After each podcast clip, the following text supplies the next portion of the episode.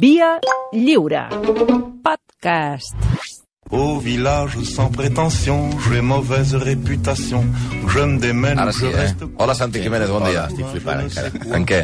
Amb els collons del canguro. Eh? Amb, amb l'escrot del cangur que ens acaben de regalar. Perdona, us acaben de regalar un escrot d'un cangur? Sí. No, a veure, va, Dos, és una eh, obra poseu-me en context perquè no entenc eh, la situació. Un, un tal Jordi Rius, que, que es diu... Jordi Rius. I el seu amic I el David. seu amic, David, Sí. que estava a Austràlia, Sí. i van fer un petit trasllat escrit una carta manuscrita, una carta... Us han portat una carta aquí. Bueno, Bueno, la pensava que això només sí, passava sí. al basar de les sorpreses del Sí, sí, Beorlegui sí, sí. i no, no veig que els exagrables ara també. Mira, mira, aquí la tenim que diu que van fer un trajecte en cotxe de Brisbane a Sydney, o de, de Sydney a Brisbane, només 900 quilòmetres, sentint tots els podcasts de, Oi, dels oi. Oi, oi, oi. I es veu que els hi va agradar, i ens han enviat un souvenir, Sí. un que és un obridor de cerveses, clar, perquè Sí. és l'única cosa que puc obrir, i això són cerveses, que té a l'escrot d'un cangur. És molt suau, eh? Sí, Però, però, un moment. O sigui, aquesta cosa rodona... És que s'ho està passant per la cara del Malcolm perquè té la forma com de... d'una brotxa a afaitar. de, de exacte, d'aquestes del, de barbaria, i són el, és un escrot de cangur. Sí, són els collons d'un cangur. Que són durs, eh? Bueno, farem una foto i ho penjarem perquè no acabo de veure-ho clar, això, eh? No, mira. I què volien dir quan us regalen una I a més ens han enviat una postal, Quins collons que teniu? una postal de, Sí. el que defineixen com el fari d'Austràlia, Que avui precisament parlarem una mica al Fari. sí, que es diu Slim Dusty. Ahà. És un home... Amb... Inquietant. Sí, bastant. Sí, sí, sí. Bueno, Bé, doncs, la, eh, la, mira, ja la- saps- És el teu públic, eh? També t'ho dic, eh? que sap, o el vostre, eh, que, sap, que sàpiga la gent que, evidentment, li pot portar regals de tota mena i condició No, ja, als exagrables. superar això és difícil. Ja t'ho Vinga, va, avui qui és? Buffalo Bill, Oh, que no és un personatge de ficció, perquè... Eh, hi ha gent que s'ho pensa. Clar, I no m'estranya, perquè ha sortit en... Que, que haguem trobat... Surt a 43 pel·lícules. Hosti. A, a Euro Disney tenen un espectacle encara Buffalo Bill. Clar, vull dir, sí, és un heroi de la cultura popular, de, pels de l'ESO, que és l'única que teniu, que sembla un personatge absolutament inventat. L'han interpretat 41 actors en 43 pel·lícules, perquè les, dos les dues primeres les va, les va fer ell mateix, no? La primera pel·lícula que es va filmar sobre Buffalo Bill era el 1898 i la última que tenim constància el 2005. Fa 15 anys, per tant, que no surt cap film de Buffalo Bill, però no descartem res perquè tot torna. Tot torna. Torna el Barça de Núñez, torna les ombreres, torna, torna el federalisme, torna tot, no? Sí, Buffalo Bill era un explorador i caçador, però realment un veritable showman que va fundar el circ més famós de la seva època.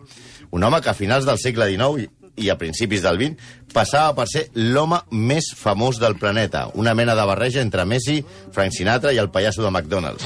Però, si gratem una mica sota la pell del búfal, de Bill... A veure, i aquí s'ha de dir una cosa. Els búfals viuen a Àfrica.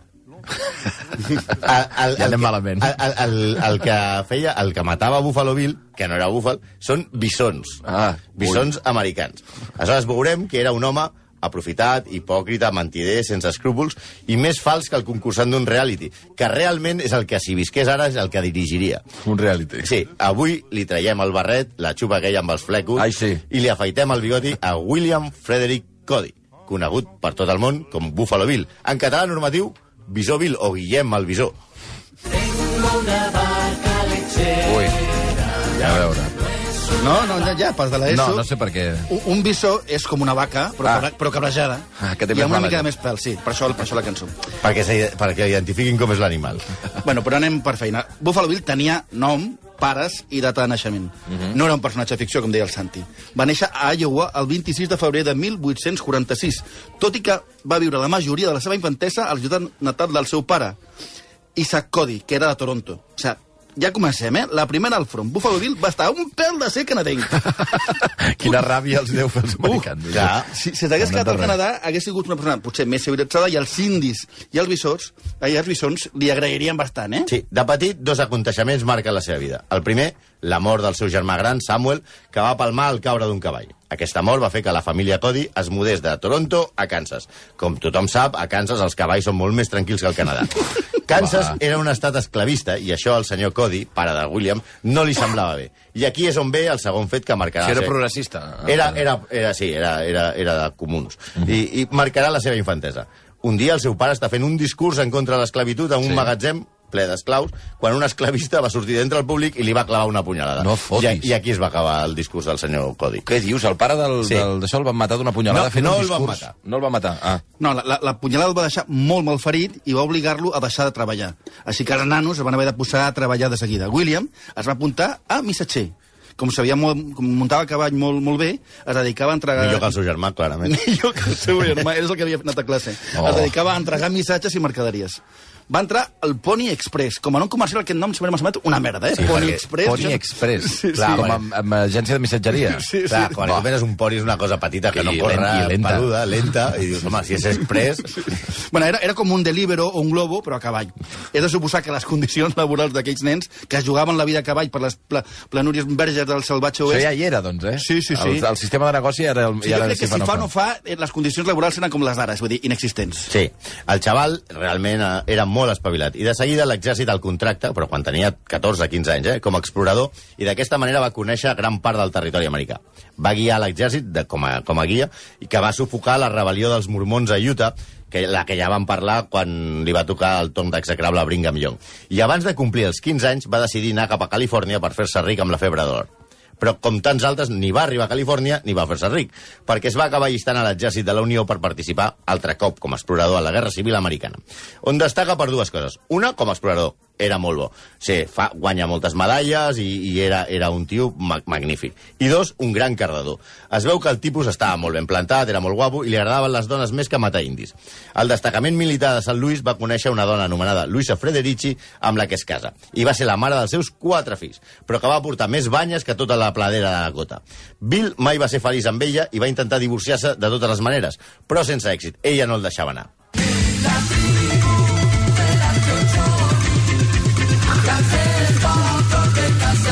Cada cop estem pitjor, eh? Però m'agrada amb la na- naturalitat que el Santi ha dit, eh, gran cardador. Bueno, mireu si li agraden les dones que va construir- construir-se la seva casa a la riba del riu Xoxon, que no és el Barragán dient el Bueno, que penseu. La Eh, Xoxoni. terri terrible, terrible el- la- l'acudit, realment. Jo Eh? diu això, I una casa que ja hi, parlava, que hi parava poc perquè els Xoxon aquests ja els buscava ell per tota la pastura americana. De fet, Va, el home, seu favor. lema era com a fora de casa en lloc. I un cop es va acabar la guerra es va llistar al Kansas Pacific Railway com a, com a intendent de cuina. Us explicarem. Les Kansas Pacific Railway Sí. sí. era l'empresa que es dedicava a portar el ferrocarril a l'oest americà. Uh -huh treballaven en precàries condicions milers d'homes fent una feina tan dura com la de tirar vies pel mig del no-res. És com que els, van, els que van fer l'àvia Lleida, però lo bèstia. Sí, des d'aquí una salutació als amics de la plec de Lleida que ens estaran sentint, Sí, especialment sí, sí. A, la, a la penya dels Moniatos. La seva feina... Els coneixes? Sí, la seva feina no era la de transportar ferros o tallar arbres. La seva feina, com intendent de cuina, era donar de menjar als treballadors. I què els hi donava? Bisó per esmorzar, bisó per dinar, i si no t'agrada el bisó, bisó per sopar. Era el caçador de la companyia. Oh. Si hagués fet eh, el de l'AVE a Lleida, caçaria cargols, però allà caçava bisons. Ell, durant els anys Però que no havia... hagués, no hagués molat tant, no dir-se Cargolville. Cargolville no. Cargolville. Bueno, com, com a empresa de missatgeria tampoc, eh? Ell, durant els anys que havia estat al Pony Express o d'explorador a l'exèrcit, havia Sí. sí. creuat les grans extensions veient les immenses manades de bisons que pastaven pacíficament. Va observar els seus costums anotant-los en un quadern tipus Félix Rodríguez de la Fuente o... o com es diu el naturalista? No, anava a dir el naturalista Darwin, Ah, així sí. apuntant a tot el que passava. El naturalista. Que portava- Darwin, naturalista. Con D, naturalista, Darwin. que portava, que portava sempre amb ell. Era com Frank de la jungla, vaja. Naturalista. Coneix- Coneixia els animals, sabia on trobar-los, i com que la consciència ecològica no estava molt de moda en aquells temps, quan els tenia controlats, el fotia un tret i cap a la barbacoa. Clar, s'ha de dir que matar bisons era fàcil, perquè es veu que són uns animals bastant idiotes. Sí, perquè estan allà quiets Ah. i són molts, i és molt difícil fallar un tiro contra un bisó. tu és, dispares molt i algú li és complicat és matar una llebre, però Ja, ja, perquè ja, es mou ja, ja. molt. Però Ja, un ja, bisó, ja. ostres, fins i tot jo l'encerto. I a més, eh, eh, O sigui, era no una... era signe de, de, de ser un gran tirador. No, no, no, tu tira a bulto, més o menys. Eren el principal sostén, els bisons, dels aborígens americans, el que les pel·lícules coneixem com a índios. Eh, que, aprofit... que els índios aprofitaven tot de l'animal, que el tractaven gairebé com un igual, i no el mataven mai gratuïtament. Doncs bé, des de l'arribada de gent com William Cody, que encara no es deia Buffalo Bill, però ja us ho explicarem, són els principals responsables de que els 75 milions de bisons que hi havia a Amèrica a aquella època ara en quedin amb prou feines 350.000. Només els mataven per esport o per passar l'estona. I es calcula que en un any devien matar 2,5 milions. Això sí que és un holocaust. De fet, us donarem una notícia. Era molt Cody- xungo ser bisó en aquella època, eh? Sí, però bueno, com tu dius, era difícil fallar, és com lligar sí. al Primavera Sound. De fet, ara us donarem una notícia. William Cody no era Buffalo Bill, o com a mínim no era el primer Buffalo Bill. El primer Buffalo Bill, l'original, era un cowboy anomenat Bill, aquest sí que es deia aquí, Comstock. I Cody li va guanyar el sobrenom a Comstock en una competició de matar bisons. El va golejar 69 a 48. Uh. És a dir, entre els dos, en mitja hora, es van polir 117 animals per veure qui quedava, el, qui quedava el sobrenom. Cody va passar a dir-se Buffalo Bill perquè va utilitzar un rifle de repetició a la competició que explica la diferència amb l'original. No obstant, el rècord de matar bitxos el té un tal McCartney, però no ens referim a la senyora aquesta que, que va, fa veure que és un Beatle. Un altre, que va matar 91 bisons en mitja hora. En tot cas, havia nascut el mite de Buffalo Bill. I, i es, com- es comprova que els búfals són idiotes, també, perquè si baten a 91 en mitja hora, marxa. Tira, tira, tira. tio.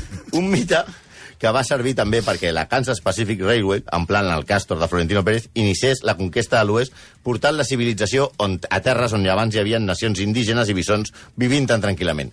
Ja no ho farien més. Sense bisons, els indis quedaven reclosos a la pobresa i les reserves. I va ser tractats amb un grau de, de, de, de, de domini Cru- Crueltat. Sí, que recorda bastant a l'esclavisme que el pare de Cody eh, combatia en la seva època. Sí, però Cody, perdó, a partir d'ara és Buffalo Bill, Aquí ja es deia Buffalo ja, Bill, no? ja es deu Buffalo Bill. Se li acaba de córrer una idea que canviaria la, la idea de la seva vida i la de milers de persones i de tot el món.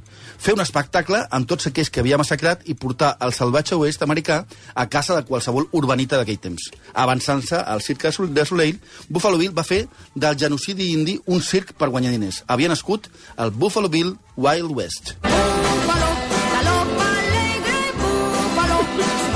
es un relámpago corriendo entre. Rocío Durca. Rocío Durca. I és una cançó de... Viva Buffalo Bill. Vida Búfalo. En las montañas junto a la hoguera suelen Li va dedicar a Rocío Durcal una cançó a Buffalo Bill? Sí? Perquè... Jo no sé la cançó, eh? Els motius no els sabem, però la cançó existeix, com podeu veure. Bé, aquest bueno, és el circ, no? El Buffalo Bill Wild West va Sí. ser l'espectacle més famós del món abans dels Miserables, el Rei Lleó, o fins i tot, fins i tot Maricel. Eren com els pastorets, però amb tiros. Un espectacle més imbatible que Eurovisió, fins i tot la vostra.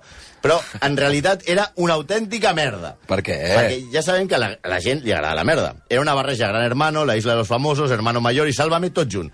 Ara, en lloc d'anar a la gira, el faria Telecinco i tothom el miraria.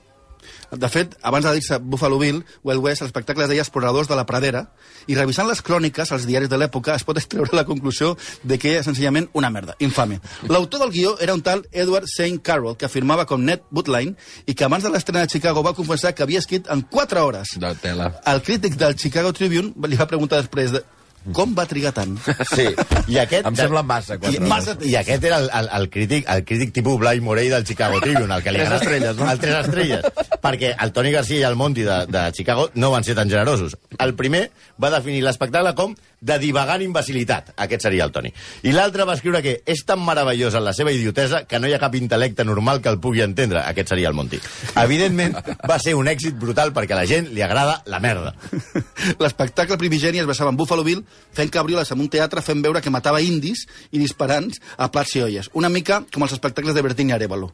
El 26 de juny del 1876 actuaven a Nova York. Enmig de l'actuació va arribar la notícia de que els Dakota havien golejat a Little Bighorn a Caster. Per culpa de què? De no entendre la paraula Otoe. Sí. Si hagués reviseu. Sí, que, que, que, sí, que Reviseu la secció de fa 3 anys eh, on va néixer l'expressió Otoe. Cody, eh, en, en, quan, se, quan s'assabenta que, que han matat i, però a, Otoe a, a Caster, interromp la funció i es dirigeix al públic enfàticament i jura que per honorar el capullo gay de Caster arrencaria una cavallera a un indi tan bon punt, en plan revenja, tan bon punt tornés a l'oest. I així ho va fer. bueno, més o menys. Va exhibir al públic, de- a partir d'aleshores, en tots els seus espectacles com a número final, la cavallera del famós líder Cheyenne, Mano Amarilla. A veure, entrem en Mano Amarilla. No volíem imaginar per què a Mano Amarilla li deien Mano Amarilla, perquè això de rentar-se les mans després d'anar a fer pipí Noi. no era una costum massa No, eh, no. posada en, en, entre els degotes. Segur que no té res a veure. Imagineu-vos quin era el jefe Mano Marrón. Prou, no, prou, fins aquí. Fins no obstant, tot allò era un muntatge.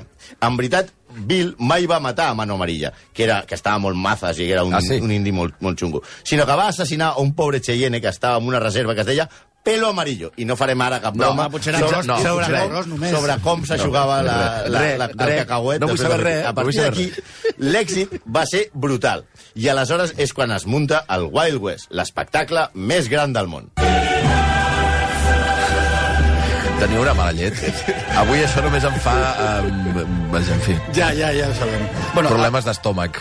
el 1883 munta el circ que és més que la Champions. Tenia 1.200 treballadors No fotis. i el dia que va debutar en un descampat de Staten Island va congregar a un milió de persones. L'espectacle consistia en una desfilada a cavall prèvia per la ciutat que actuava en la que es passejaven pues, gauchos, àrabs, cosacs, mongols, evidentment, i això s'havia mm, sortit una mica de, de, de, de, del tot, i cowboys, òbviament, eh, i indis. L'espectacle portava 200 animals i consistia en exhibicions d'habilitat a cavall, de tir, recreacions de batalles en les que els indis eren els dolents, òbviament, i els blancs, els herois. Acabava en la recreació de la batalla de Little Bighorn, on Cody, o Buffalo, Bull, Buffalo Bill, era el general Castell. Buffalo, Buffalo Bull també està bé. Ara hauríem de posar el Fari i el Torito Guapo, però si hem posat ja Rocío Durca, l'Arasca, el Fari a la mateixa secció ja es col·lapsaria tot la zona. Sí, sí, I per què el. Fari i el seu. Torito? Perquè per donar-li més realisme a la cosa, Buffalo Bill va fitxar el gran cap Sitting Bull. Ja ens imagineu per què li deien així, Sitting Bulls, toro sentado. Sabeu l'acudit aquell del, de l'Eugenio que diu que toro sentado no pot fer caca i va al bruixot de la tribu i li diu gran jefe, no caca. I aleshores el bruixot li prepara un, una, una poció i el dia següent va al tipi, la, la tenda on vivia, i pregunta, com està el jefe? I surt la dona i diu, gran, gran caca, no jefe. Terrible. Imagina't, com era... Eh... Eh, Que tenia acudits bons, eh? Sí, sí, sí. com era, com era eh, Sitting Bull? Un home derrotat, humiliat, de gairebé 60 anys, alcoholitzat i addicte a les, a les pipes de marihuana, que contemplava des d'un tamboret, per això deia Sitting, la recreació de l'extinció del seu poble. La presència de Sitting Bull va ser la crida més exitosa del món de l'espectacle. Perquè imagineu-vos que Guardiola munta un circ i recrea el 5 a 0 al Madrid i a més a més fa que Mourinho estigui mirant i que es passegi per l'escenari. Això era el Wild West de Buffalo Bill. L'espectacle va viatjar per tot el món. El 1887 va arribar a Europa per actuar com a espectacle principal a Londres pel jubileu de la reina Victòria, que no es volia perdre l'espectacle de veure a Cody a Buffalo Bill, però que en veritat el que l'atractiu era Sitting Bull. El seu paper era molt simple. Estava assegut amb un colocón com un piano a un costat de l'escenari i en un moment de la batalla final, com un mico de fira, Cody feia que es passegés per l'escenari. La gent l'ovacionava i tornava al seu córner a fotre-li la mandanga. Després el treien, a la, el treien a la porta del teatre i cobraven a la gent per fer-se fotos amb ell mentre sostenia un tomahawk. Un tomahawk no és el missil, sinó que és aquesta mena de- d'astral eh, índia.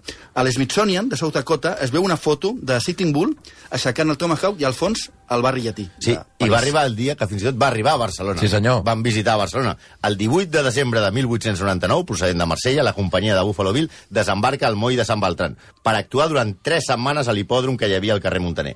Va ser l'aconteixement de l'any i està referit per tots els diaris de la ciutat, perquè m'imagino ara un director dient-li, allà el Màrius Carol dient-li al Toni eh, vés-me a fer-me una entrevista amb Buffalo Bill.